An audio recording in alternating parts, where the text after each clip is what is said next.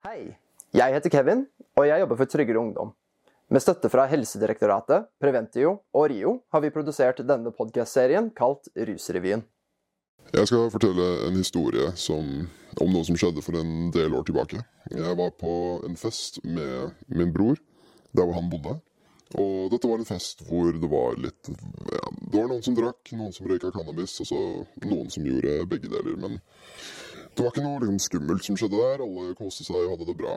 Og så til slutt så forsvant det, fle det fleste parten av folka, da. Fordi vi skulle legge oss til slutt. Og jeg overnatta der. Og så, eh, relativt tidlig dagen etter, så kommer eh, vår søster på besøk. da Hun skal bare svippe innom. Eh, hun, egentlig, hun, hadde egentlig en eksamen eller noe den dagen, så hun skulle bare si hei før hun dro videre. da og broren min ligger og sover. Jeg sitter inne på stua med to-tre andre og sitter og spiller spill, bare. Og så er det noen som ringer på døra utenfor, så jeg går og sjekker hvem det er. Og så er det to kvinner som spør om jeg vet ikke, en eller annen person som jeg aldri hadde hørt om før. da, Spør om han bor her. Og jeg svarte at uh, jeg vet ikke, jeg, jeg, tror ikke det, men jeg kan gå og spørre broren min. Så jeg lukka døra, og så gikk jeg inn på rommet til broren min for å vekke han da, for å spørre om den personen bodde der. Og så plutselig så var de to kvinnene inne i leiligheten, og så viste det seg at de var politi. da. Og så fant jeg ut senere at den personen de så etter, det hadde vært andre som hadde sett etter han. Men han hadde ikke bodd på det stedet på veldig lenge. Men han bare hadde ikke endra folkeregistrert adresse, da. Eh, men så, når de kom inn, så lukta det cannabis inn i den leiligheten, og de mente at alle her er mistenksomme, så da holdt de oss der i vente på liksom, hundepatruljen. Og at uh, det tok et par timer. Og etter at de kom frem, da, så var det en større prosess som tok et par timer. Men mens vi satt og bare venta på at resten skulle komme, så måtte jeg på do, da. Men jeg fikk høre at jeg måtte vente til uh, hundepatruljen dukka opp for å kunne gjøre det. For at det var noen som måtte bli med meg mens jeg gjorde det. Og så til slutt så kommer de frem, da. Og så sier jeg at OK, jeg må på do nå. Uh, og så han ene fyren som kom med hunden, da, han har liksom litt sånn eplekjekt blikk og bare Ja, OK, Per, eller hva han het. Kan, du bli med han der inn på badet og ta den hasjen som han har i trusa? Og så lo jeg bare og sa at nei, du kan gjerne være med inn på do, men jeg må bare skikkelig drite. Og det var sant, da, så jeg kledde meg naken, og de fant ingenting. Og så fikk jeg endelig gå på do, da. Og så hadde jeg en liten samtale med han politifyren som var med meg inn, da, vi hadde bare en prat, og han fant ut at um, Eller han spurte meg liksom Ja, så du er basically bare på feil sted til feil tid, og uh, bekreftet at jeg var det. Uh, men så for å gjøre en lang historie kort, da, så endte de opp med å ta avhør med alle sammen som var der. Men, men på et eller annet tidspunkt så spurte jeg ja, men har ikke vi, vi har jo rett på en representant. Og så sa de at uh, nei, dere har jo bare rett på en representant hvis det er avhør og sånt. Så de løy om at vi ikke hadde, vi ikke hadde det. Og det var flere andre ting de sa at vi måtte gjøre, eller ikke kunne gjøre, som det viste seg senere at de bare løy da, og, masse, og gjorde masse som de egentlig ikke skulle ha gjort. og det, hele denne episoden, da, etter at du hadde fire politibetjenter som har brukt flere timer, og en hund med gud vet hvor mange timer øh, trening, da, så finner de kanskje to gram med hasj. Og den fant de ved siden av søstera mi, som bare var der fordi hun hadde stikket gjennom på feil tidspunkt, liksom. Og det var ingen som sa at den Det var ingen som tok eierskap til hasjen, da. Og for alt vi vet, så det var jo mange folk som var innom kvelden før. Det kan like gjerne ha vært noen som hadde glemt den igjen, da. Men så skjønte de politifolka at broren min brydde seg liksom, om søstera vår. Så da sa de at ja, ok, men siden vi fant klumpen nærmest henne, da setter vi den på henne. Og så basically utpressa de broren min til å si at eh, det var hans vers. da. Fordi hvis de sa til han at hvis han ikke sa det, så skulle de ta med søstera vår ned på politistasjonen, og at eh, det er hun som kom til å få problemer og alt det der. Um, Altså, til slutt, så etter at han hadde innrømmet det, og eh, de hadde dratt, så var det aldri noe som Det skjedde aldri noe med den saken. Eh, ingen som fikk noe båt, ingen som fikk ble tatt kontakt med i etterkant. Og vi tror da at det er fordi eh, de brøt f.eks. det med at vi spurte om en representant, og så løy de og sa at nei, men det her er jo ikke et avhør. Når så absolutt så var det et avhør. De hadde oss inne på et rom, én person av gangen, og uh, så det var jo absolutt et avhør, det er poenget. Og vi tror at fordi de brøt reglene på den måten, så var det ikke noe som skjedde videre. Men jeg synes det er litt merkelig da, at fire politibetjenter ikke har noe bedre å bruke en hel dag på enn å sitte inne i et rom hele dagen med en gjeng sjuåringer, og fordi de har røyket en plante, liksom. Det virker ganske merkelig, spør du meg. I denne episoden så skal vi snakke om cannabis og forebygging. Og hvem bedre å snakke med det om enn den ruspolitiske kjempen, også kalt rusinfluenseren, TikTok-stjernen, legenden André Nilsen. André Nilsen var en fyr som jeg traff for første gang tidligere i år, og jeg bare blir mektig imponert. Han kan snakke evig lenge om absolutt alt, og det meste av det han sier, er utrolig interessant. I denne samtalen så kommer han som styrelederen i Normal. Normal er en brukerorganisasjon som jobber for en fornuftig regulering av cannabis. Takk for at du kunne komme. Sykt kult. Takk for invitasjonen. Så I tilfelle det er noen som har bodd under en stein den siste tiden og ikke vet hvem du er, kan du begynne med å introdusere altså, ja, hvem du er, og hvordan du ble engasjert i rusfeltet? Ja, mitt navn er da André Nilsen.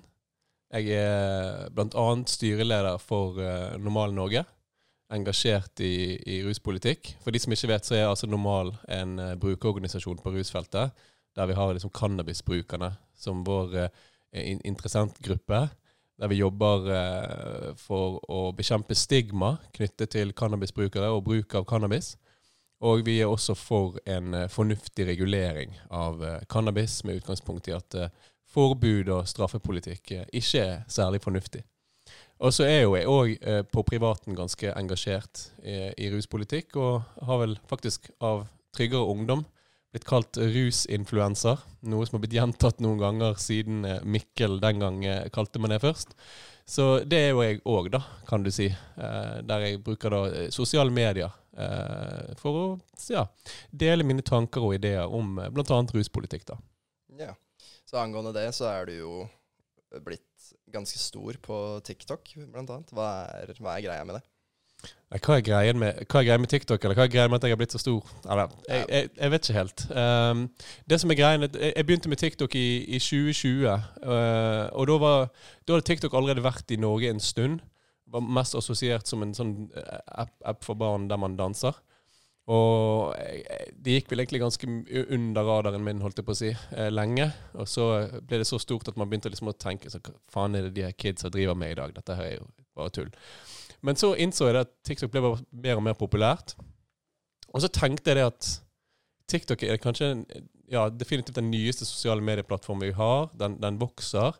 Og jeg hadde ikke sett noen andre snakke om egentlig noe viktig på plattformen. Så jeg tenkte at her, her, er det liksom en liten nisje man kan bygge seg opp eh, med. da. Så jeg postet vel eh, første ruspolitiske TikToken i sånn ja, eh, mai-juni 2020. Og så ble det ganske populært. Og innså, eh, jeg innså raskt da, at, uh, at, TikTok kan bli en plattform som man på en måte kan bygge videre på. da. For jeg har allerede vært engasjert på YouTube og på Twitter og på Instagram og Facebook. Men TikTok er liksom noe nytt. da. Jeg liker å se, se på det nesten som en blanding av Twitter og YouTube. Med tanke på at det er videospredning, og, altså videoinnhold. Men på mange måter som Twitter òg, så er det algoritmer der som gjør at du trenger ikke ha så veldig mange følgere for at et innlegg blir sett av mange. da. Og det syns jeg var ganske kult. For de andre sosiale medieplattformene har ganske sånn innarbeidet algoritme og veldig mange etablerte aktører på de ulike. Uh, så, så, TikTok var liksom tenkte jeg, her, her er liksom morgendagens plattform for, for, å dele mine verdier. Ja, så Hva synes du om den merkelappen egentlig som uh, Mikkel ga til deg, rusinfluenser, føler du at det er beskrivende for det arbeidet du holder på med? Både ja og nei. Uh, altså Jeg har jo begynt å omfavne litt sjøl. Jeg har kalt meg sjøl rusinfluenser. Det satt litt langt inne. Men, uh, men, men, men, ok, kanskje det liksom beskriver det. Altså, det, hva, hva du liksom forbinder med influenserbegrepet? Det er jo som regel personer som er på sosiale medier, som deler uh, kommersielt innhold. da Som promoterer merkevarer. Og med, med liksom en Eh, kommersiell intensjon da, om å, om å, tjene penger, dele reklame for å få penger. Altså, ja. Eh, og det gjør jo ikke jeg så mye av. Så liksom, men, men, men, jeg driver jo med en form for påvirkning. Sant? Jeg er jo, driver med influensing, kan du si. da. Eh, og ruspolitikk er et tema som jo, profilen min er sterkt preget av. Så nei, jeg har bare egentlig akseptert at det egentlig er ganske treffende. Ja. Så det har vært mye som har skjedd på, altså, i den offentlige debatten angående rusmidler og regulering og sånt den siste tiden. Um, hvordan føler du at retningen på debatten har gått i det siste? Er det noe som uh, Ja, er du optimistisk, pessimistisk? Hvordan forholder du deg til det? Um, jeg, syns, egentlig retningen har, har gått riktig vei selv om jeg liksom har jo òg erkjent, måttet erkjenne, at vi har et stykke igjen før, før vi lander eh, helt. Det, vil si at i Norge så har vi et godt stykke igjen å gå før liksom enkelte utdaterte holdninger er borte. De vil nok aldri forsvinne helt, da. Men, eh, men jeg ser jo at det er en endring. Og jeg, eh, siden jeg begynte på uh, å engasjere meg på rusfeltet, så har det egentlig bare gått én vei, og det er fremover. Uh, jeg har egentlig vært ganske bortskjemt kan du si, med tanke på utviklingen i rusdebatten. Jeg engasjerte meg Var det like før eller like etter liksom ble vedtatt at Norge skulle utrede eh, for en rusreform, da. Um, så har opplevd mye medgang. Og så fikk vi motgang i fjor, når rusreformen falt. Og så siden det har vi egentlig hatt en haugevis med medgang igjen, med tanke på at vi har avdekket systematiske overgrep i i politiet. Eh, vi har avdekket samrøre mellom interesseorganisasjoner og politiet. Vi har fått avklart at skoler har ikke lov til å rusteste elever. Det, det har liksom kommet på løpende bånd. Én seier etter den andre, liksom. Og myndighetene har òg begynt å uh, erkjenne og sånn, la oss si halvveis beklage for at man har uh, latt urett uh, få holde på, holdt jeg på å si. Og så er det jo fint at legaliseringsdebatten blomstrer opp igjen. Eh, det har den gjort jevnlig de siste årene. Og kommer litt sånn, Folk kaller det liksom agurktiden om sommeren, men vi kan egentlig bare omdøpe det til cannabisdebattiden. For det, eh, det virker som det er en sånn tradisjon nå å snakke om legalisering om sommeren her i Norge. Eh, og det syns jeg er veldig fint. Men jeg ser jo samtidig det at frontene er veldig steile. Det er ikke så mye Uh, altså, det, det, det, det, er vanskelig når man liksom er liksom helt på ytterpunktene av meningsspekteret, og så skal man ha en debatt.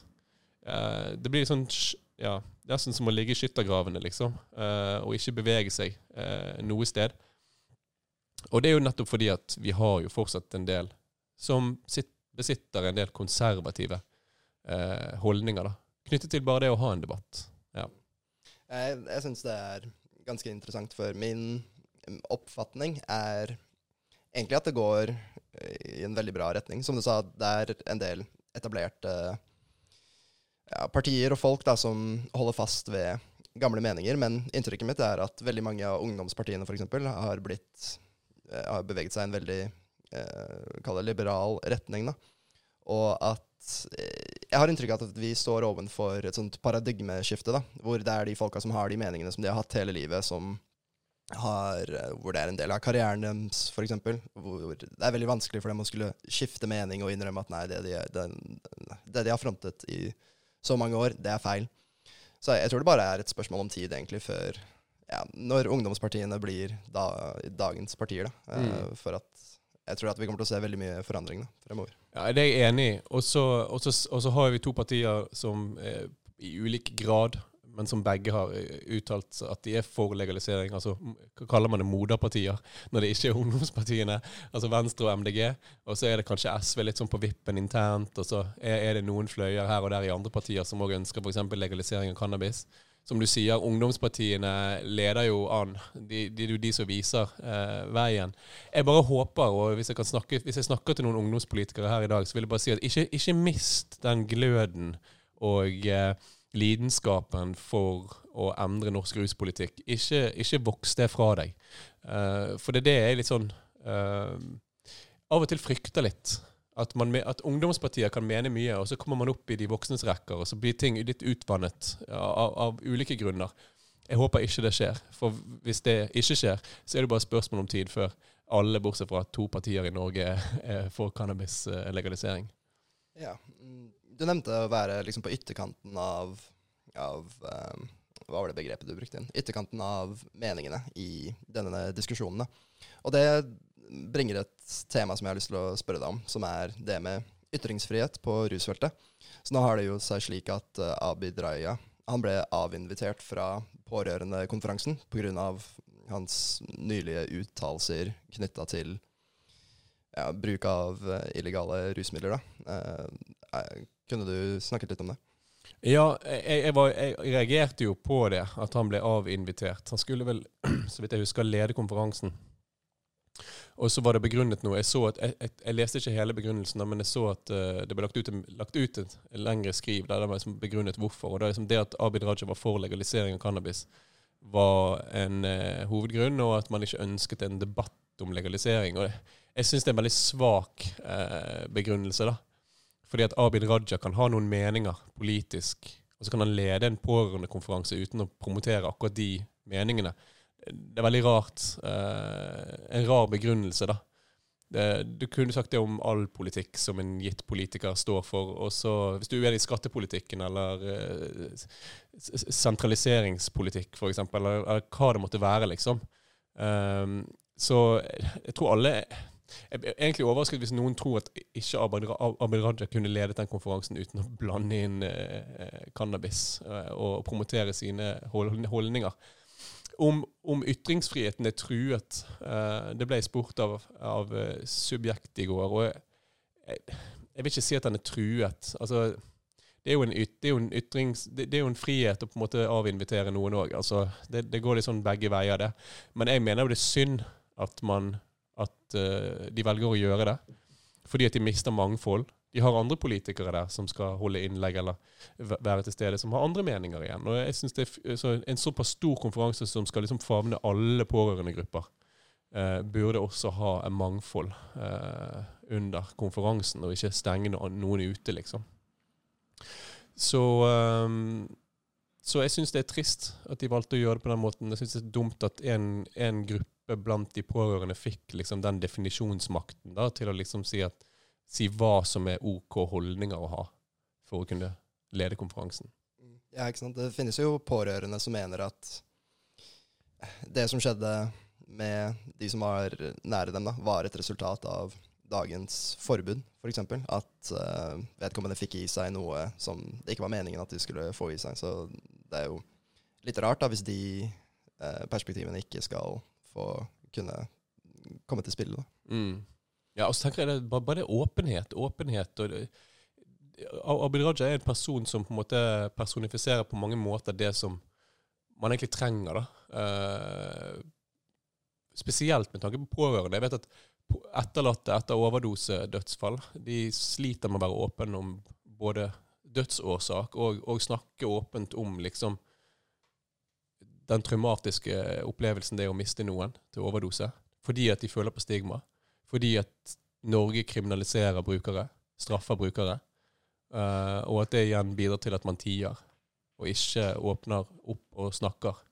Uh, så jeg syns det er veldig synd at man her uh, ja, velger å gjøre det på den måten som de gjorde. da. Så vi skal etter hvert komme inn på forebygging og kanskje snakke litt mer om politiet og sånt. Men før vi kommer til det, så gitt at du er eh, assosiert med Normal, da, så tenkte jeg at vi kunne begynne med å snakke litt om cannabis. Sånn eh, veldig enkelt. Hva er det? Eh, hvordan, hvorfor bruker folk det? Sånne type ting. har du lyst til å kommentere på det? Ja, altså cannabis fra et rusmiddelperspektiv er liksom samlebegrepet da, på liksom de ulike variantene man kan konsumere for å få en terapeutisk ruseffekt, eller en, eh, bare en ruseffekt. Og eh, der liksom cannabis er liksom enten eh, blomsten fra cannabisplanten som tørkes og røykes eller spises eller vapes. Og så har du hasj, da, som på en måte er harpiks fra planten, som presses sammen med kanskje blomster, blomsten i, i noen tilfeller. Som mest assosiert med røyking, men som også kan spises, f.eks. Så finnes det jo mange ulike typer cannabisvarianter nå. Uh, oljer. Uh, og uh, med det kommersielle markedet som har kommet etter man har legalisert ulike steder i verden, så finnes det jo nesten ingen begrensninger for hvilke produkter cannabis kan befinne seg i og konsumeres på ulike måter.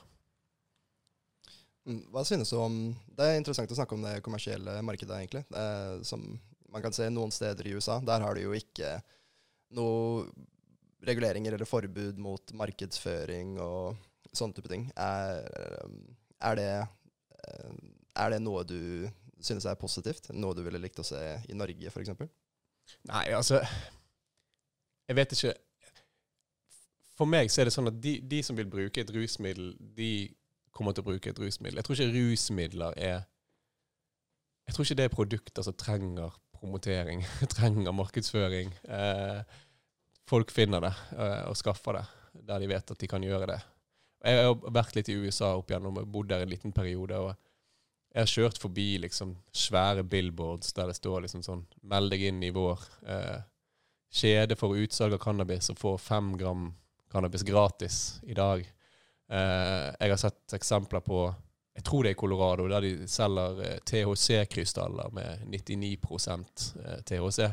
Altså, kanskje er det noen der ute med enorm toleranse og enkelte smertelidelser som, som kan ha nytte av å liksom dabbe noe THC-krystaller. Eh, men, men altså, er det veldig viktig? Er det nødvendig? Og kan det potensielt gjøre mer skade enn nytte hvis liksom alle skal få det pushet på seg? Eh, det kan jo være, sant. Eh, men, men jeg tenker i utgangspunktet trenger vi, vi trenger ikke å reklamere for rusmidler. Det syns jeg er fornuftig i Norge at vi har forbud mot. Ja. Og så er det jo en evig diskusjon dette med å liksom eh, regulere styrkegrad osv. Det er jo ulike perspektiver der. og jeg, jeg, føler, jeg føler litt sånn jeg føler litt sympati da med liksom de som tar liksom folkehelsespørsmålet eh, og setter det i fokus. da. Liksom hvor, hvor sterk skal cannabis Hvis du skal legalisere i Norge, hvor sterk skal den liksom Skal, skal vi ha et, et, tak på styrkegrad, liksom? Um, jeg, jeg, jeg, jeg, har egentlig ikke bestemt meg for om, om, om man bør ha det. Men det kan jo sikkert være fornuftig ja, å, å regulere styrkegrad. Uh, men jeg tenker det viktigste er å informere om styrkegrad. Eh, Det, det tenker jeg er det viktigste. At uansett hva du konsumerer, så vet du hvor sterk eller potent dette produktet er. da. Kan du, eh, for de som ikke vet, utdype litt om Hva har det å si at THC-prosenten er på så og så mye?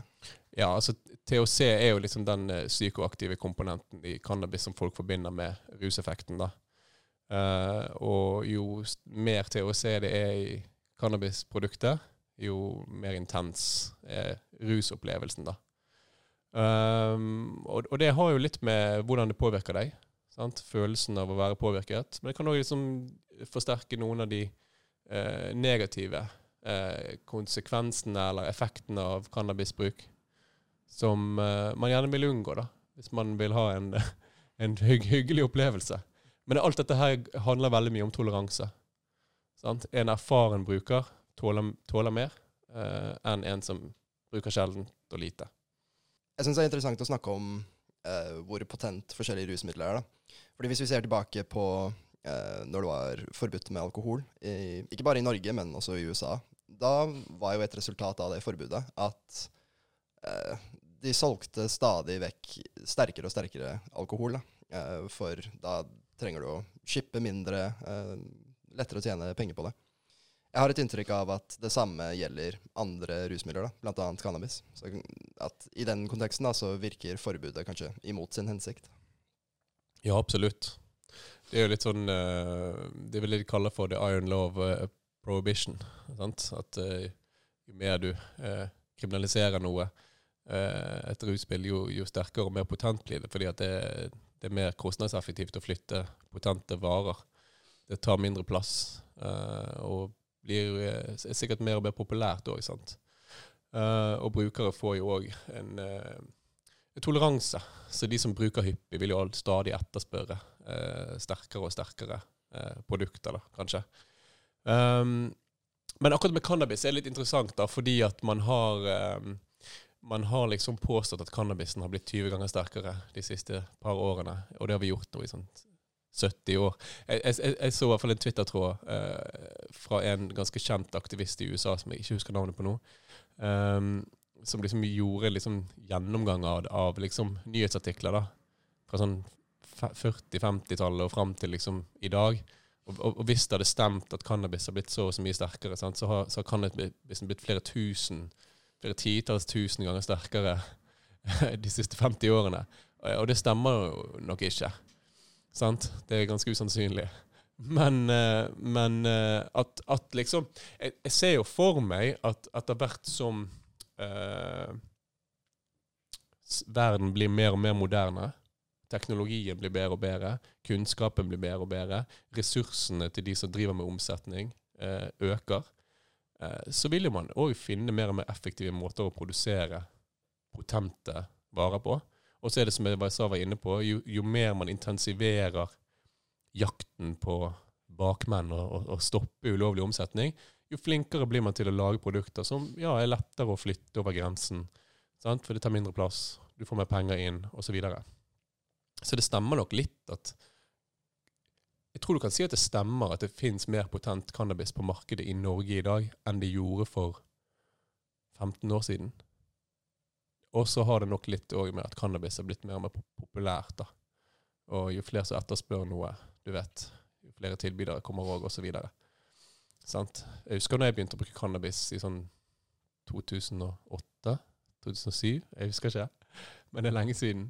Um, da var det liksom grønt. Det var, det var uh, det altså cannabisblomsten, da.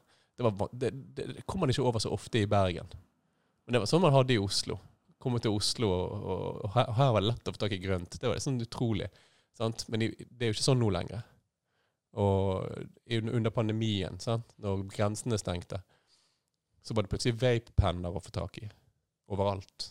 Sant? For da har man tilpasset seg. Uh, så nei, jeg syns at det er en interessant diskusjon. Ja. ja. Og for å bevege samtalen litt over på forebygging, da så er cannabis, som du nevnte, blant de illegale rusmidlene, eh, vil jeg si det mest populære, da. Og det har, vil jeg også si, en spesiell plass i popkulturen. da. Hvis du sier ja, 'Smoke weed every day', Snoop Dogg, uh, Thug Life-type meme, så tror jeg de aller fleste under 30 vil umiddelbart skjønne hva det er jeg snakker om. Uh, så gitt denne populariteten, da. Og så vil jeg også si at jeg, jeg tror vi alle her er enige om at uh, det er ingen som ønsker at ungdom skal bruke noen som helst form for rusmidler. Um, men gitt at det har liksom kanskje et litt sånn sexy image for ungdommene, er det noen eh, er det noen spesielle ting vi må tenke på når det gjelder forebygging av cannabis, som kanskje ikke dukker opp for andre rusmidler? Nei, det, det tror jeg ikke. Altså, jeg, jeg, tror ikke at det er noe unikt for cannabis som liksom er viktig å uh, ha fokus på. Jeg tenker det gjelder å informere og gi god informasjon til unge. Hva er cannabis? Hva er potensielle eh, effekter av det? Hvordan påvirker det deg? Hva er sannsynligheten for at du kan bli avhengig? Eh, er det lurt å vente til du er litt eldre? Mest sannsynlig. Eh, jeg tror ikke det er så veldig unikt. Da. Men altså, du kan jo si det sånn all, alle rusmidler som får en sånn hype i populærkulturen, det er jo basically en form for reklame. Sånn, Vi har jo sett det med røyking opp igjennom, at røyking var sykt kult for noen titalls år siden. Nå er ikke det så kult lenger. Sant? Men det var noe av det kuleste du kunne gjøre, det var å røyke sigaretter. Og du ser jo alkoholkulturen òg, at det er liksom det er mange som nesten legger identiteten sin ned i det å liksom kunne sin alkohol. Sant? Enten det er vin eller øl eller whisky. Det er, det, er, en kultur i det. Og det er en kultur rundt cannabis òg.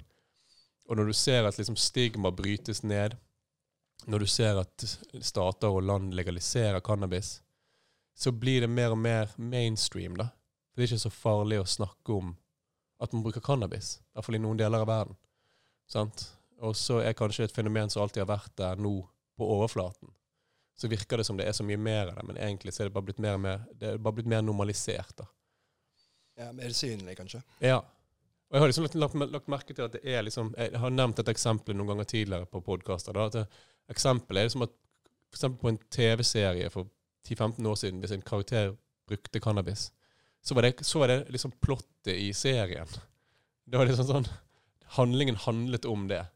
Mens så ser du på en net, nyere Netflix-serie i dag, så røyker noen en joint uten at det blir kommentert engang. Fordi at det er det samme som å sippe til et glass vin eller drikke en øl. Ja. Syns du, syns du de to tingene er ekvivalente? Hva tenker du på? Det er liksom Er det det samme å ta et glass vin til middagen kontra røyke en joint på forhånd, kanskje? Ja. Altså samme det, det, det, det, spørs jo litt hva du mener med Altså Du kan jo si at det påvirker kroppen på ulik måte. sant? Det, gir vidt forskjellige ruseffekter. Men for en cannabisbruker så kan det være akkurat det samme som for en som er glad i å drikke vin. Og ta, jeg, jeg, det var, jeg husker ikke hvem som skrev dette. Var det en TikTok? eller var det, Jeg tror, jeg tror kanskje det var en TikTok av en fyr som kaller seg Mr. 420. da. Uh, der han lagde liksom en sketsj om at fremtidens restauranter de anbefaler ulike typer cannabis til hovedretten og til desserten. Så det er det en fyr som bestiller en type cannabis, og så får han beskjed av kelneren om at du, det er faktisk en dessert-joint. Så den anbefaler vi å ta til desserten. Ja, ok, da velger jeg en, da velger jeg en annen type. Så uh, ja. Og, og, kanskje enda, jeg synes kanskje cannabis kan være enda mer treffende til mat. da, For det stimulerer appetitten så jævlig. Så det, ja, å nyte et måltid etterpå er bare på sin plass. Ja, det er interessant. Eh, morsomt å tenke kanskje det er en fremtidig sånn Michelin-restaurant eh, i fremtiden som kommer til å kjøre det konseptet. Det er en morsom tanke. Mm -hmm. mm. Da rusreformen ble nedstemt, så var et argument for eh, hvorfor dere ble nedstemt, at det å kriminalisere illegale rusmidler har en forebyggende effekt i seg selv. Um, er du enig i den påstanden? Nei. Vi har ikke funnet noe bevis på at det stemmer. Kanskje gjør den det for enkelte. Kanskje liksom avskrive det at det er enkelte som unngår å bruke cannabis eller andre ulovlige rusmidler fordi at det er forbudt. Men at i det store og det hele bildet har en beviselig forebyggende effekt, det, det, det har man ikke klart å bevise. Så du setter liksom alle de ressursene man har brukt på å liksom kriminalisere eh, opp mot antall brukere man har klart å hindre og ta et trekk av en joint, jeg tror skal ja, Jeg tror ikke du kommer til antall personer som liksom rettferdiggjør, rettferdiggjør eh, den måten å forebygge på. da. Og uh, kanskje strengt, men jeg vil si at det, det, det, den typen politikk er også med på du, du, kan, du, kan, si det at å ha dødsstraff da, for bruk av ulovlige rusmidler eh, kan også være en god forebyggingsmetode. Ja, Som Filippinene? Ja da, altså det er sant. Det, det, er sikkert noen som er livredd for å, bli, for, for å bruke sånt fordi man kan bli dømt til døden. Uh, og ikke at vi dømmer folk til døden i Norge for å bruke ulovlige rusmidler. Man er på samme spekteret av holdninger, av, av, det å fordømme en handling. Det er det, det er det, absolutt. Så er det jo interessant å reflektere litt over uh, hvem er det som er påvirkelige av et sånt forbud? Er det Jeg vil tro at uh, mennesker som Ikke bare når det gjelder cannabis, da, men forbud generelt, så er det jo hvis man er avhengig av et rusmiddel, så tror jeg ikke man bryr seg om at det er ulovlig eller ikke. Nei. Uh, altså, jeg har, min, min, teori, da, og jeg vet ikke om den stemmer, jeg vet ikke om jeg har liksom empirisk støtte for det, men jeg føler det. Og det er kanskje litt farlig å si at man føler noe. Men de som har avstått fra å bruke ulovlige rusmidler fordi det er ulovlig, det er liksom ikke den gruppen man trenger å beskytte, hvis du skjønner? Uh, og hvis det blir lovlig, og, de så prøver, så tror jeg faktisk at ja, Jeg snakket faktisk med Jeg vil ikke bruke ordet middelaldrende, men nå er jeg jo på en ungdomspodkast, så det blir jo faktisk det, da. Uh, mødre for en stund siden. Som, der vi hadde den diskusjonen, og de hadde aldri prøvd, eller så hadde kanskje jeg prøvd én gang, eller så, så, så sa jeg det til dem at jeg tror liksom ikke det at det hadde vært så farlig om dere hadde prøvd. Jeg tror ikke dere hadde likt det så godt engang. Har du gått eh, halve livet ditt uten å bruke noe fordi at det var forbudt, så er det kanskje ikke din greie. Hvem vet? Men jeg tror ikke det hadde liksom jeg tror ikke liksom vi, vi, vi, vi hadde åpnet the floodgates of addiction liksom, hvis vi hadde legalisert. Det, det fins det heller ingen eh, empiri som eh, tilsier. Nei, kanskje tvert det motsatte. Det er jo flere steder som har faktisk eh, legalisert eh, cannabis, blant annet. Og gatene der er jo ikke oversvømt av narkomane, eller ja, rusavhengige mennesker som får skikkelige problemer pga. at det har blitt regulert da, på den måten. Mm, nei, absolutt. Du ser gjerne en økning blant Du ser gjerne en økning blant unge voksne, som jeg tenker er helt naturlig. Det er en periode i livet hvor man prøver ting. Uh, og, og, så ser man òg en økning i den eldre, blant den eldre garden, holdt jeg på å si. 50-plusserne. Som finner nytte av å bruke cannabis for ulike ondter og vondter. Men i, det store og det hele så ser man ikke denne eksplosjonen i økning i, i, populasjonen. Og blant mindreårige så ser man også at uh, det enten stagnerer eller går litt ned. Ja, Det så man i Canada, f.eks. Mm. Siden de legaliserte, så har jo bruken, mener jeg husker, blant 16-18-åringer Det har jo gått ned i den samme perioden. Så, mm. så jeg er enig. The jury is still out på om eh, et rusmiddels lovlig status har noe særlig korrelasjon med bruken. Mm. Og det her med bruk da, det leder jo til et interessant oppfølgingsspørsmål. Eh, gitt at det ikke er liksom, barn og ungdom det er snakk om, da, er det egentlig et stort problem hvis man ser økning i bruk? Uh, hvis, det ikke, liksom, uh, hvis det ikke er en tilsvarende økning i avhengighet, da, la oss si. Ja, altså det, nei, det trenger ikke nødvendigvis være negativt at flere prøver cannabis. Uh, statistisk sett så kan vi heller ikke være uh, Kan ikke lukke øynene helt for at jo flere som prøver, jo potensielt kan flere bli avhengig. Men andelen som blir avhengig og får et problematisk forhold til bruken, er jo ikke veldig stor. så det er igjen det er veldig sånn relativt spørsmål som er sånn vanskelig å besvare, egentlig. og så, så, veier det litt sånn hva, hva mener man er viktig? Er det folks folks individuelle frihet til å prøve ting? Eller, eller skal man beskyttes mot seg sjøl, eh, og derfor ikke ha tilgang på ting som kan potensielt være avhengighetsskapende, f.eks.? Hvis, hvis, man først skal beskyttes mot seg selv, da, eh, da, da, blir det jo veldig kunstig å kun ha den holdningen på uh, rusfeltet. da. Hvorfor ikke snakke om nei, vi burde gjøre sukker ulovlig? Jeg tror at hjerte- og karsykdommer er det altså livsstilssykdommer da, er det som er den største belastningen på helsesystemet her i Norge. Så det er jo veldig mye å beskytte folk eh, på det feltet, da. Men det er ikke så mange folk som er like opptatt av det. Nei, og jeg, jeg, jeg tror at uh, et, min, igjen, min personlige teori er at de fleste som har problemer med cannabis uh, når vi legaliserer, de har allerede det i dag, for å si det sånn. da. De begynner gjerne tidlig, osv. Eh, det er andre faktorer som gjør at man søker etter eh, rusmidler eh, og, og, blir avhengig.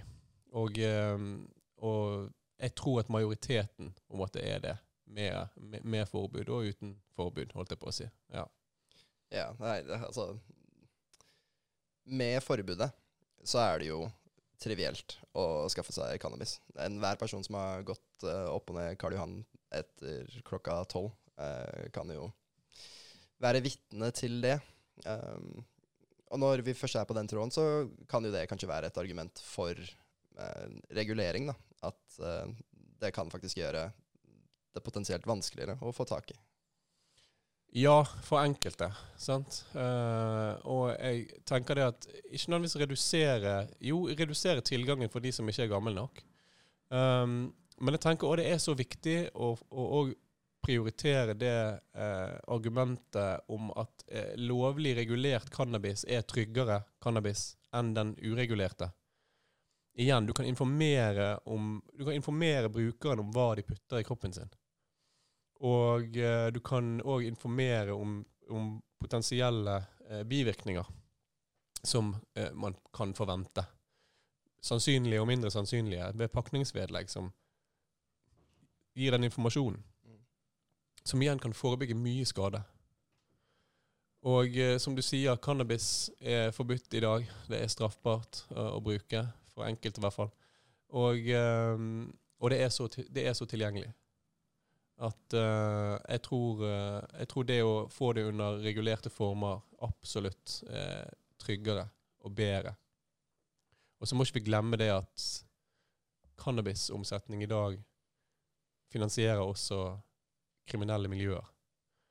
Og eh, jeg vet at det finnes mange eh, godhjertede dyrkere rundt omkring i landet som ikke har noe ties til noe organisert kriminelle miljøer, annet enn at kanskje er man organisert med to-tre andre som hjelper med å distribuere. Men, men det er fortsatt en stor inntektskilde for kriminelle gjenger. Internasjonalt er det stor inntektskilde for internasjonale kriminelle miljøer, som igjen finansierer annen kriminalitet. Det er et argument som vi òg må snakke om at istedenfor å dytte penger inn i en svart økonomi som eh, finansierer våpen og menneskesmugling, så kan man eh, generere skatteinntekter til staten, til det offentlige, til alles gode, som jo er mye bedre.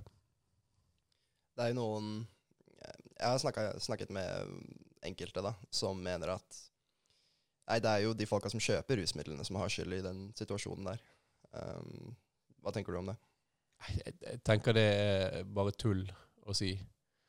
Eh, et rusmiddel i seg sjøl er jo Det er jo noe som folk får ulik verdi ut av. Men selve bruken er jo noe som man får en nytteverdi av. Det er derfor folk gjør det. Og eventuell skade man eh, pådrar seg, går utover seg sjøl i første omgang. Og rusmidler er noe vi mennesker eh, trekker mot. Og det å liksom skulle ansvarliggjøre sluttbruker for at myndigheter rundt omkring i verden har eh, prøvd å lukke øynene for det faktum at folk ruser seg, og, eh, og latt eh, kriminelle miljøer ta få det monopolet, da. Det er litt sånn feil å si monopol, for det er jo ikke bare én aktør. Men det, du kan si at det svarte markedet har monopol på omsetningen. da.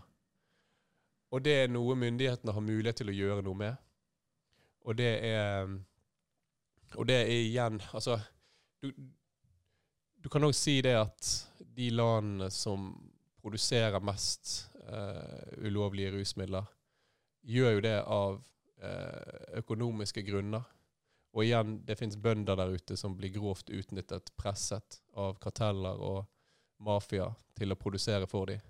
Så dette her er et sånt som myndighetene må ta uh, ta, ta sitt ansvar og, og, ta over den kontrollen, regulere det og sørge for at um, Sørge for at man i hvert fall svekker det svarte markedet. Ja, det vil nok aldri forsvinne helt. Nei, og igjen her så tenker jeg at det er mange paralleller med alkoholforbudet. da. Det var jo det, var jo det forbudet som jeg tror er direkte opphavet til mafiaen i USA, f.eks. Så det er jo basically akkurat den samme situasjonen nå, bare med andre rusmidler. Ja, absolutt. Og det er liksom uh, Ja, jeg, jeg, vet ikke om det er helt relevant, men jeg så nettopp ferdig Peaky Blinders-serien uh, uh, om ja, Hvor er det den mafiaen holder til, da? Det er England et sted, i hvert fall. Men, men Eller Storbritannia. Men der var det liksom snakk om det, for mafiaen ble litt sånn var litt sånn svekket da, på hva, hva, de egentlig skulle drive med nå, fordi at alkoholforbudet var opphevet. Og de hadde tjent seg søkkrik på å smugle sprit. Um, da gikk de over til uh, heroin. Ja. Så de finner måter å tjene penger på, selvfølgelig, uh, der de kan. Igjen, få det det, ta over den kontrollen. Folk flest vil ikke bryte loven. Det er bare det det eneste alternativet man har i dag. Nå som vi er inne på forebygging og det svarte markedet og sånne type ting, så kan det også være interessant å snakke om eh, kanskje politiets rolle i det her, men også det faktum at en konsekvens av dette forbudet da, og det svarte markedet er jo at eh, unge, barn og unge som er under den kriminelle lavalderen, de blir jo aktivt rekruttert for å være langere, nettopp fordi ja, de er under den kriminelle lavalderen. Da. Eh, og det er jo også noe jeg tror vi kunne unngått gjennom bedre regulering enn det vi har i dag. Mm. Ja, absolutt. Vi vet jo det at i, i Norge så, så har vi sett eksempler på det. Uh, I Sverige òg. Det foregår overalt, det. Jeg så òg en britisk uh, politioffiser snakke om det uh, i England. Som forklarte det at man har liksom klart å lure systemet da, ved å rekruttere unge mindreårige til å være løpegutter. Eh, og det, det, er et kjempeproblem. Og det er jo igjen, igjen så handler det nok også om noe mer enn en, bare ruspolitikk isolert. Det handler nok om sosiale ulikheter som vokser, at unge mindreårige eh, søker mot enkelte miljøer som gir status, som gir penger. Um, men absolutt, svekker man det svarte markedet, så svekker man på en måte inntektskilden til, um, til uh, de kriminelle gjengene. Uh, og så syns jeg òg at en viktig diskusjon som jeg faktisk prøver å være mindre bastant på, da. Og som jeg snakket med Willy Pedersen om, som er, ja, han har forsket en del på cannabiskultur i, i Norge. da, eh, Professor i sosiologi.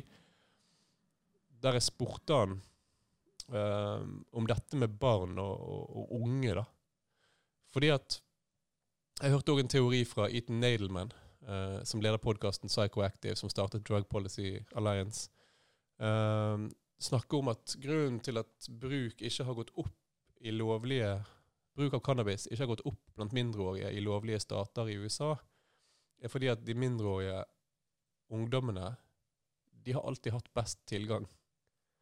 Um, og, så, er spørsmålet vil det endre seg Vil det endre seg når vi legaliserer. Og det syns jeg er et godt spørsmål. Og jeg kan ikke helt uten videre se at det skulle endret seg sånn ekstremt mye. Jeg husker når jeg var mindreårig og ikke hadde lov til å drikke alkohol, så skaffet jeg jo det. Jeg gikk i barskap til mine foreldre. Vi sto utenfor en Rema 1000 i to timer og så etter en voksen. En litt sånn shady voksen som kunne kjøpe noe alkohol til oss. Altså Man fant en måte, da, for man er i en alder der man har lyst til å prøve ting. Og har man lyst nok til noe, så får man det til, liksom. Så spørsmålet eh, jeg stiller meg, er liksom hva vil skje med, med tilgangen til mindreårige? Vil det være så veldig stor endring? vil, ikke, vil, noen miljøer fokusere på mindreårige fordi at det er de som ikke har tilgang lenger. Sant? Vi har sprittaxier i Norge. De kan kjøre deg fra A til B på festen, og de har utenlandsk vodka. Sant? Så um, jeg, jeg, er liksom forsiktig med å, med å overdrive den positive effekten av å regulere. da.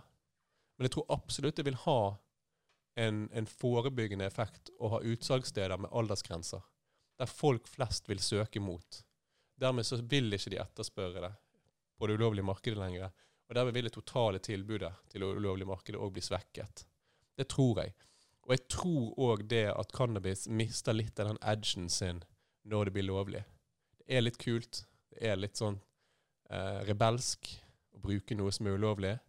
Spesielt når du er ung, så er det liksom en identitetsmarkør å være litt edgy. For enkelte, i hvert fall. sant? det bygger identitet å prøve ting. Og, um, og, og, jeg tror jo mer sårbar du er, jo mer søker du etter sånne litt sånn ekstreme aktiviteter, da, hvis du kan kalle det å bruke cannabis eh, som ung. Men det er jo det for enkelte. Sant? Snakker vi unge, unge tenåringer, liksom, så er jo ikke det normalt. Sant? Så jeg tror kanskje det mister litt av edgen sin. Og så tror jeg òg det mister litt altså, Jeg tror at flere og flere bare tenker at ok, jeg kan vente til jeg, til jeg blir gammel nok. Det er liksom ikke noe stress. Det, det, er, på, det, det er, tilgjengelig, liksom. Så man utsetter bruken. Og jeg kan jo si at jeg vil være den første til å drive med forebygging, også da blant mindreårige, når det blir lovlig. Mm. Jeg tenker det, det, er viktig å ha fokus på det. ja.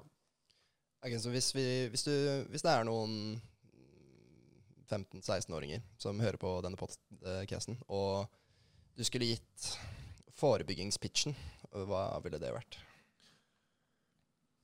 Jeg syns det er vanskelig, men jeg pleier å si at det er aldri for seint å begynne med rusmidler.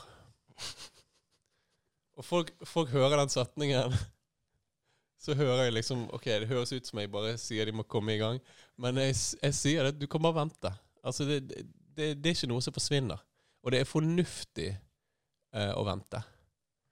Eh, og, og, og, og, sånn er det bare, liksom. Altså, det, det er ikke sånn at rusmidler ikke er der når du er voksen. Sant? Det er ikke noe hastverk. Det fins veldig mange andre ting som er viktigere å skape seg erfaringer rundt enn rusmidler når man er ung. Og det tror jeg liksom er det viktigste. Men hvordan kommuniserer man det effektivt? At lær deg sjøl å kjenne. Bygg litt karakter og disiplin. Bli kjent med følelsene dine. Håndter livet ditt eh, i edru tilstand før du håndterer det i, i ruspåvirket tilstand.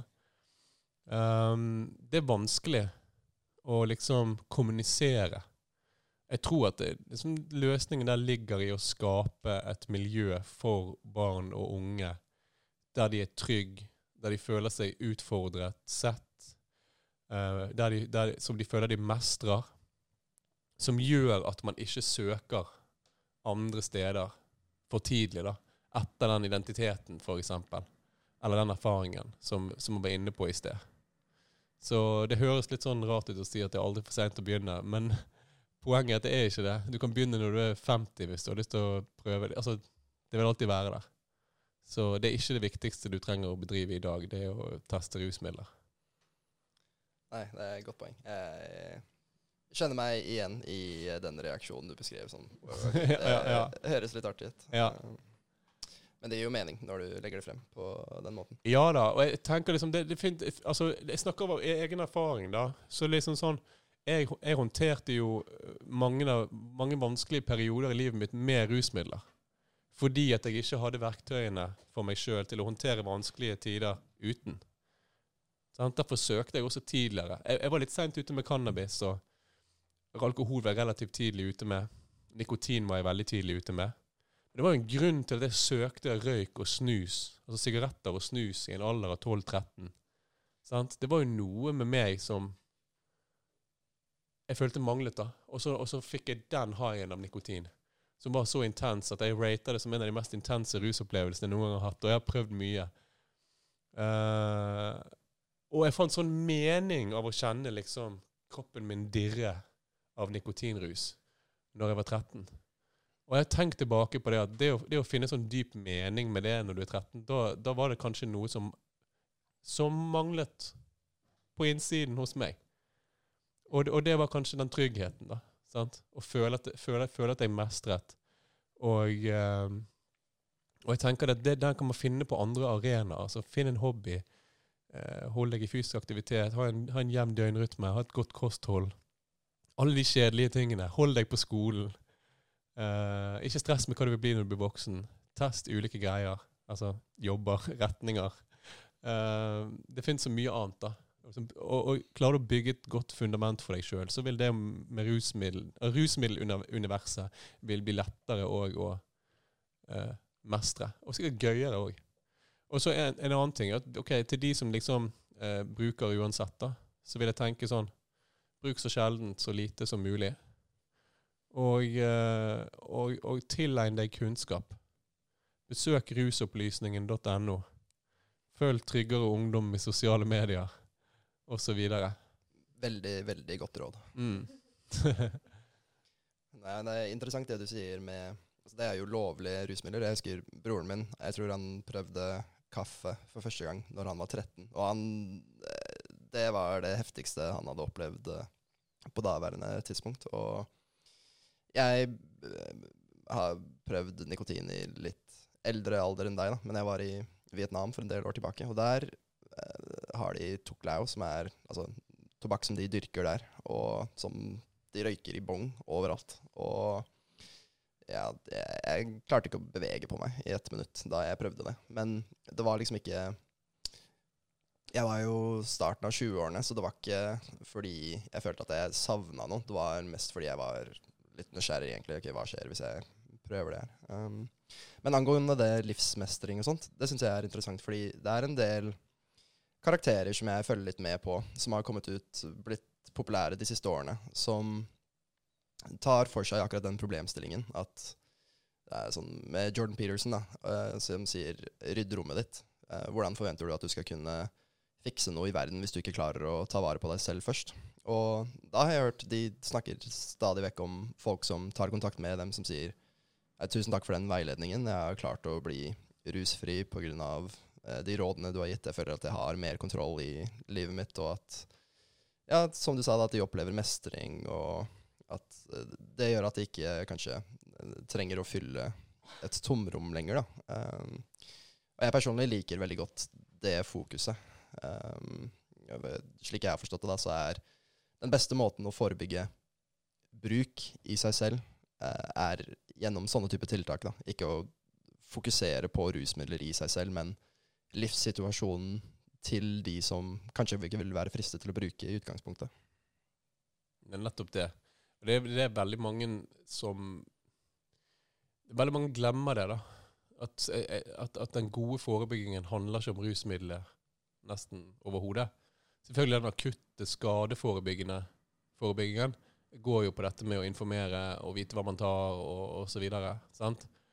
Men å forebygge liksom avhengighetsproblemer, f.eks., det er liksom noe helt annet. Det er på et helt annet felt at det skjer. Og selvfølgelig kan man være genetisk sårbar. Det får ikke man gjort så mye med.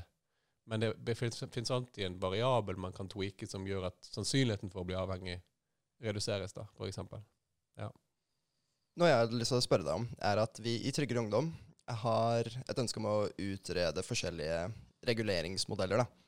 Eh, vi, ikke helt, vi har ikke helt fastslått hva slags type reguleringsmodell vi ønsker å liksom, eh, støtte eh, foreløpig. Men altså finnes det veldig mye forskjellig, da, fra liksom, cannabisklubber på det ene siden av spekteret til ja, den kommersielle bruken som man ser noen steder i USA. Er det en spesifikk type reguleringsmodell som normal tenker er optimal? Nei. Nei, vi har ikke én spesifikk. Vi har ikke det. Vi snakker om cannabisklubber der brukere kan gå sammen i hva skal jeg si, produksjonskollektiver og, og dyrke og, og, omsette seg imellom, som jo avskjærer cannabismarkedet fra liksom det andre uh, ulovlige rusmarkedet. Um, og man får liksom en brukerstyrt eh, tilnærming til det. Eh, det hadde ikke kostet så veldig mye å få etablert. Eh, Samtidig så Og kanskje man kunne søke lisens for å drive en sånn klubb osv. Så um, men jeg tror jo litt på den kommersielle, uh, hel, helkommersielle måten å gjøre ting på. Jeg, tror, jeg, mener, jeg, mener, absolutt at brukere bør ha mulighet til å gå sammen og dyrke sammen. Uten at man skal kalle det for en cannabisklubb, men litt sånn som folk brygger øl, f.eks. Sammen med venner eller alene. Eh, absolutt bør det åpnes for det. Jeg tenker at mildere cannabisvarianter, altså under en gitt prosentandel THC, la oss si 10 og nedover, da, eh, bør være tilgjengelig eh, i dagligvarehandelen på samme måte som øl eh, og rusbrus er. Og så kanskje ha et statlig regulert utsalg for mer potente eh, varer. da. Så, men, men, men, samtidig så, så, er det liksom vanskelig å liksom si helt bastant at sånn bør det være. Men uh, mindre potent cannabis med høyere innhold av CBD, som vi ikke har snakket så mye om, som er en annen komponent i cannabis, uh, som virker uh, ja, antipsykoaktiverende. Altså den motvirker den psykoaktiverende effekten i THC, som gjør at man kan potensielt da, i hvert fall få mindre av disse uønskede, uønskede opplevelsene, som nervøsitet, lett paranoia, for noen så kan jo det være eh, THC kan jo være utløsende for psykose, selv om sannsynligheten er veldig liten. Så er den der. Og jo mer CBD man har i eh, produktet, jo mindre sannsynlig er det at det skjer. Og eh, jeg ser ikke noe problem med at enkelte cannabisprodukter bør være tilgjengelig i dagligvarehandelen. Og så rene CBD-produkter. Det syns jeg er veldig stusslig at ikke vi ikke har legalisert i Norge ennå. Det burde være tilgjengelig der man ønsker å selge det, holdt jeg på å si. Ja, jeg synes det, det blir jo det blir jo litt fjernt å kalle CBD-produkter for rusmidler. Det, for, ja, det, gir jo ikke noe ruseffekt som sådan. Nei, det gir ikke noe ruseffekt. Uh, det, gir, det, gir, en effekt. Uh, en jeg vet ikke om det blir riktig å kalle det for en stimuli, men, uh, men det gir absolutt en effekt, og, og kanskje på linje med liksom Ja, en svak kopp kaffe. Altså, man merker noe, i hvert fall, hvis man tar noe. Men, men det, er jo ikke, det er ikke en ruseffekt. Det svekker jo ikke akkurat kognisjon eller andre motoriske ferdigheter. Så, eh, så å kalle det rusmiddel blir Ja, jeg vil si at det blir feil. Uh, men kaffe, koffein, er jo et rusmiddel. Um, så terminologien er litt sånn vanskelig å definere, uh, tenker jeg. Men, men at det har en effekt, ja. Men ikke ruseffekt. Noe annet som blir, begynner å bli litt rart med det, er jo at CBD-produkter i Sverige er jo helt lovlig. Så du kan jo bare kjøre over grensa, og så kjøpe det i butikkene der, og så kjøre tilbake over grensa, og bang, plutselig så er det fryktelig ulovlig. Det er litt weird. Ja, eh, men det er lov å ta med seg hjem eh, okay. fra Sverige. Eh, det er det. Men du har ikke lov til å selge det videre til noen i Norge. Så du har lov til å kjøpe CBD i utlandet og ta det med hjem hvis det er lovlig i det landet du kjøpte det i. Så det, det går fint. Kult. Det visste jeg ikke. Mm. Jeg er nesten litt skuffa med svaret ditt om uh, disse reguleringsmodellene, for jeg hadde håpet at uh, TU kunne trekke inspirasjon at eh, ok, det her er sånn vi burde gå for, men da må vi kanskje gjøre leksene våre sjøl. Ja da, og igjen, sant? dere skal utrede, se på eh, kost- og nytteeffekten av ulike modeller, og så hva velger man å vektlegge. Sant? Eh, jeg forstår, eh, jeg forstår liksom eh, Jeg forstår de ulike perspektivene, da. Sant? Som, eh, som man kan velge å vektlegge tyngst eller eh, minst, holdt jeg på å si. Eh, så jeg er veldig åpen. Jeg er veldig åpen for, for at det finnes ulike modeller med ulike, ulik kost-nytteeffekt. Har du noen tanker om aldersgrense? Hva det burde være? Ja, altså Det er vanskelig å si. Jeg snakket med Anne Rokkan, da, som, har, som er kommentator i Dagens Næringsliv, tidligere Bergens Tidende. Hun har skrevet masteroppgave om, eh, om eh, skatteinntekter. da. Rene skatteinntekter fra salg av cannabis. Så ikke skatteinntekter fra all sånn si, omliggende industri som vil kanskje vokse opp. Uh, men uh, hun mente 18 års aldersgrense, da. Og jeg tenker igjen, for mildere varianter så er nok ikke det nødvendigvis så farlig. Uh, kanskje 20, da, på, på de sterkeste sakene. Men igjen, jeg, jeg, jeg er ikke Jeg har ikke liksom landet på noe. Men jeg tror at skal det ha en gitt forebyggende effekt blant de yngste, så må du ha en 18 års aldersgrense. Ja. Ja, jeg Altså, optimalt så skulle jeg gjerne likt å se at folk venta eh, så lenge som mulig, egentlig, før de begynte å bruke. Men samtidig så er jo 18-årsgrensen Det er jo da man er juridisk voksen i Norge. Og jeg syns det blir litt eh, potensielt problematisk da, hvis en større gruppe voksne skal danne seg sammen og si til en mindre gruppe voksne at nei, nei, vi, dere skal ikke få lov til å gjøre det her fordi vi ikke vil det. Liksom. Dere er ikke voksne nok. Ja, Ja, nei, jeg synes det er rart. Ja, enig. Og kan man drikke alkohol når man er 18, så kan man bruke cannabis når man er 18. Det tenker jeg, altså. Selv om det kanskje ikke er så lurt å drikke alkohol når man er 18 år heller. Men det er nå opp igjen en diskusjon. Hva er viktigst? Folkehelsen eller den personlige friheten? Mm. Så vi har jo vært innom et par ganger uh, den nedstemte rusreformen. Uh, og så eh, har, skal jo regjeringen komme innen 2023 med en behandlings- og forebyggingsreform, mener jeg å huske. Uh, vi vet ikke helt hva den kommer til å inneholde akkurat nå, men hvis du, hvis du hadde vært uh, den personen som kunne styrt hvordan det skulle sett ut, hva er noen ting du ville likt å inkludere i det?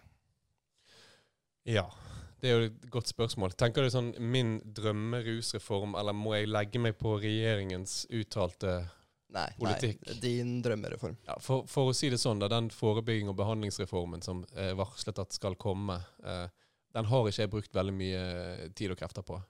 Jeg føler både i hvert fall Arbeiderpartiet og, ja, jeg føler at Arbeiderpartiet og Senterpartiet har flagget sine holdninger eh, godt nok til å vite at det ikke er godt nok, det de kommer med. Eh, og de har brukt så lang tid nå på å liksom komme med noe som helst, når de varslet etter de stemte ned at det skulle komme en ny og bedre reform. Uh, så jeg har ikke brukt mye tid på å liksom sette meg inn i den, og vi vet jo veldig lite om den òg. Um, jeg tenker Det som er viktig, å gi god informasjon om rusmidler til uh, den norske befolkningen. Altså god informasjon, fri for moralisme og utdaterte myter. Um, jeg skulle likt å sett en regulering av cannabis. Selv om det selvfølgelig ikke kommer på denne regjeringen. Men du spurte meg liksom hva jeg fikk, jeg fikk Mm. velge sjøl? Ja. Slutte å straffe brukere. Slutte å straffe brukere. Og jeg mener òg at vi skal være forsiktige med disse nemndene som liksom skal vurdere behovet for hjelp osv. Det kan godt være et tilbud man kan gi. Og det kan godt gjøre behandling og det å, det å velge behandling lettere tilgjengelig. Men, eh, men eh, å skulle tvinge alle som blir tatt for å bruke et ulovlig rusmiddel, til å komme og, og få den informasjonen, det er ganske moraliserende. Ganske inngripende, egentlig. Når du vet at færreste de har behov for det.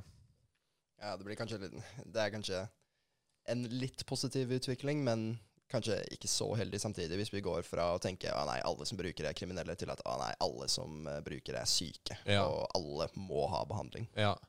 Nei, det er liksom ikke Det er nesten ikke et fremskritt. Selv om selvfølgelig å kriminalisere noen er skikkelig stygt.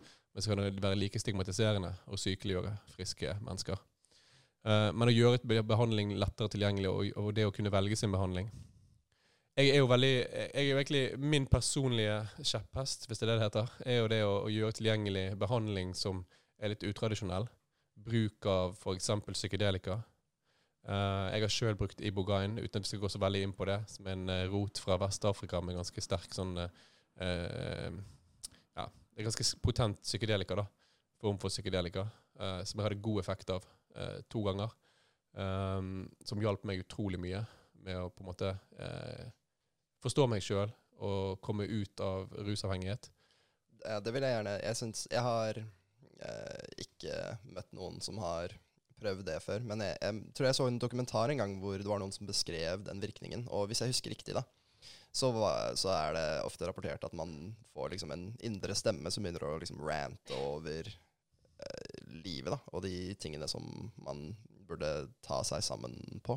Er det Matcher det din opplevelse? Hvis det er noe du har lyst til å snakke om i det hele tatt, da? Ja da, det kan jeg. Jo da, altså de, på, på liksom I, i Vest-Afrika så, så kalles eh, blant, blant stammebefolkning som har brukt ibogain i all tid De bruker ibogain eh, Noen av de bruker det som et overgangsrituale. I Gabon, eksempel. Kamerun òg. Eh, litt sånn konfirmasjon. Og overgangen fra, fra barn til voksen. Eh, spesielt fra gutt til mann. Og, eh, og så brukes det òg liksom, hvis det er dys, dysharmoni i stammen.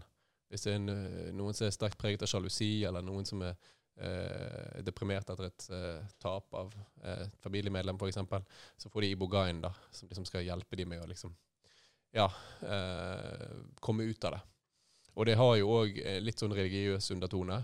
Eh, man har jo blitt gjenstand for misjonærer opp igjennom, så liksom tra tradisjonelle stammekulturer har integrert litt kristendom eh, inn i sin tro, og liksom at det er Gud eh, man møter eh, når man er påvirket. Og ibogain kalles for den strenge faren, da, fordi at det er ubehagelig. Ibogaine eh, er kjent for å gi deg en ubehagelig indre reise, eh, og streng beskjed om hva som må til for at du skal eh, snap, snap out of it. En annen ting er at de snakker om å break open the mind. Altså Du har et fastlåst sinn som er vanskelig å bryte ut av, og så kommer ibogaien og knuser det skjoldet, holdt jeg på å si. Eh, jeg opplevde det som veldig ubehagelig. Eh, jeg hadde en ganske intens eh, opplevelse på det. Opplevde min egen død flere ganger. Eh, ulike scenarioer som kom til å ta livet av meg hvis jeg fortsatte ned den veien jeg var, med, med tanke på f.eks. rusbruken. Og så er det en ganske fysisk og psykisk utmattende prosess i seg sjøl. Du, du inntar det, og så går du gjennom en syv til ni timer med våken drømmetilstand. da. Jeg tror det er samme aktivitet i hjernen din som ved sånn dyp RM-søvn, der du drømmer ganske intenst, men du er våken. Du kan åpne øynene og på en måte komme ut av det òg. og så er det noen dager uh, etterpå, du føler deg ganske mange, mange rapporterer noen dager etterpå men føler seg ganske tom. Og så er det noe med ibogain som gjør at det lagres i kroppen opp- opptil flere måneder etter bruk. Og har ganske lik effekt på hjernen som antidepressiva prøver å være. Det er i hvert fall noe stabiliserer noen av disse inene våre i hjernen. da, Serotonin og dopamin og sånt. Adrenalin. Eh, som gjør at i opptil tre måneder cirka, etter, etter inntak av en stor dose, så har du en ny, ny giv, eh, ny energi. Og det er liksom the window of opportunity. da. Hvis du klarer å snu trenden din i løpet av de månedene, så har du ganske god, godt grunnlag for å kunne integrere videre da, det du på en måte har lært, eller den innsikten du har fått. Bare for å presisere, da. Så eh, det, jeg får ikke inntrykk av at du mener når, når du sier at det lagres i kroppen, da, så er det ikke sånn at du plutselig begynner å ture når som helst. Nei da. Nei da. Eh, i- eh, igjen, dette kunne jeg for et par år siden, så lenge siden jeg har lest om det. Eh, kanskje invitere Dagfinn fra Tryggere ruspolitikk for å snakke om Ibogaine eh, i en episode. Han, han kunne forklart at det er mye bedre enn meg. Uh, men, men det lages i hvert fall i kroppen, uh, og, og, og har en effekt da, eh, opptil noen måneder etterpå, som er ganske unikt for annen, i forhold til andre ja, rusmidler, men òg psykedelika. Nei, jeg syns, jeg syns Jeg syns det høres veldig interessant ut. Ja da, og, og, og, det er risikabelt. Det har vært dødsfall knyttet til bruk fordi at det er ganske intenst. Det kan utløse organsvikt, hjertefeil. Det kan påvirke QT-tiden, eller noe sånt som det heter. eh, i hjerte, altså påvirke hjer- hjerterytmen. Eh, og dette foregår for det meste i uregulerte former. Um, men igjen, jeg, jeg gjorde det, den andre gangen jeg gjorde det, så var jeg på en klinikk i Serbia der det var eh, moderne medisinsk tilnærming til det. Og eh, de har nok ikke, jeg tror ikke de har hatt noe dødsfall der, for å si det sånn. da. For Der er man på, med både leger og psyko psykologer og, og helsepersonell som overvåker og monitorerer. Så, eh, så dette er liksom måter som uh, kan integreres inn i uh, helsesystemet i Norge. Ibogain har jo faktisk klassifisering som legemiddel i Norge. Men det finnes ingen apoteker som uh, har noe særlig rutine for å ta det inn, eller leger som skriver det ut. da. Kanskje det blir det neste, nå som vi har fått eh, ketaminklinikker. Ja, men det er det jeg mener. Jeg ønsker mer av det. Psilocybin, ketamin, MDMA og Ibogain, som er liksom min eh, personlige sånn Som jeg liker å løfte da, i disse sammenhengene. Og så tenker jeg det at eh, Ja, jeg var vel inne på dette med å gi god kunnskap til, til eh, spesielt barn og unge om rusmidler. Og så snakke litt om de underliggende faktorene som påvirker. Jeg husker jeg var på det eventet deres for noen måneder siden. Der vi snakket om, liksom, jeg snakket om rusreformen, og, og så kom um, legestudentenes rusopplysning, er det det de heter, Uh, og fortalte. Det var veldig interessant. Og de burde jo bare ha klippekort i den norske skolen for å snakke om avhengighet, f.eks. Ja, de prøver um, Altså, de prøver, men eh, det er eh, litt motstand, uh, Er det det? opplever de, mot Er det det? at de kommer inn i skolene. Ja, har aldri, kunne aldri tenkt meg at, uh, at skolen var litt sånn sketchy til folk som har nye tanker om ruspolitikk og, Ja. og rus. Jeg kan se for meg at du er sikkert dypt sjokkert. Ja, veldig. Veldig. Ja, men vet du hva, jeg tror at uh, det er en bra plass å avslutte på. At jeg er dypt sjokkert. Ja. Ja, ja. Da sier vi det. Uh, altså Med mindre du har eh, Med mindre du har noe mer i din ideelle rusreform som du hadde lyst til å trekke frem. Ikke som jeg kommer på, nei. Eh, jeg bare håper vi får en ny regjering snart. Det er det viktigste. Og så får vi eh, forhåpentligvis en bedre rusreform om ikke så altfor lenge. Ja, krysser fingrene for det. Altså, takk, for at, ja, takk igjen. Det har vært en sykt kul uh, samtale. Selv takk. Det har det virkelig.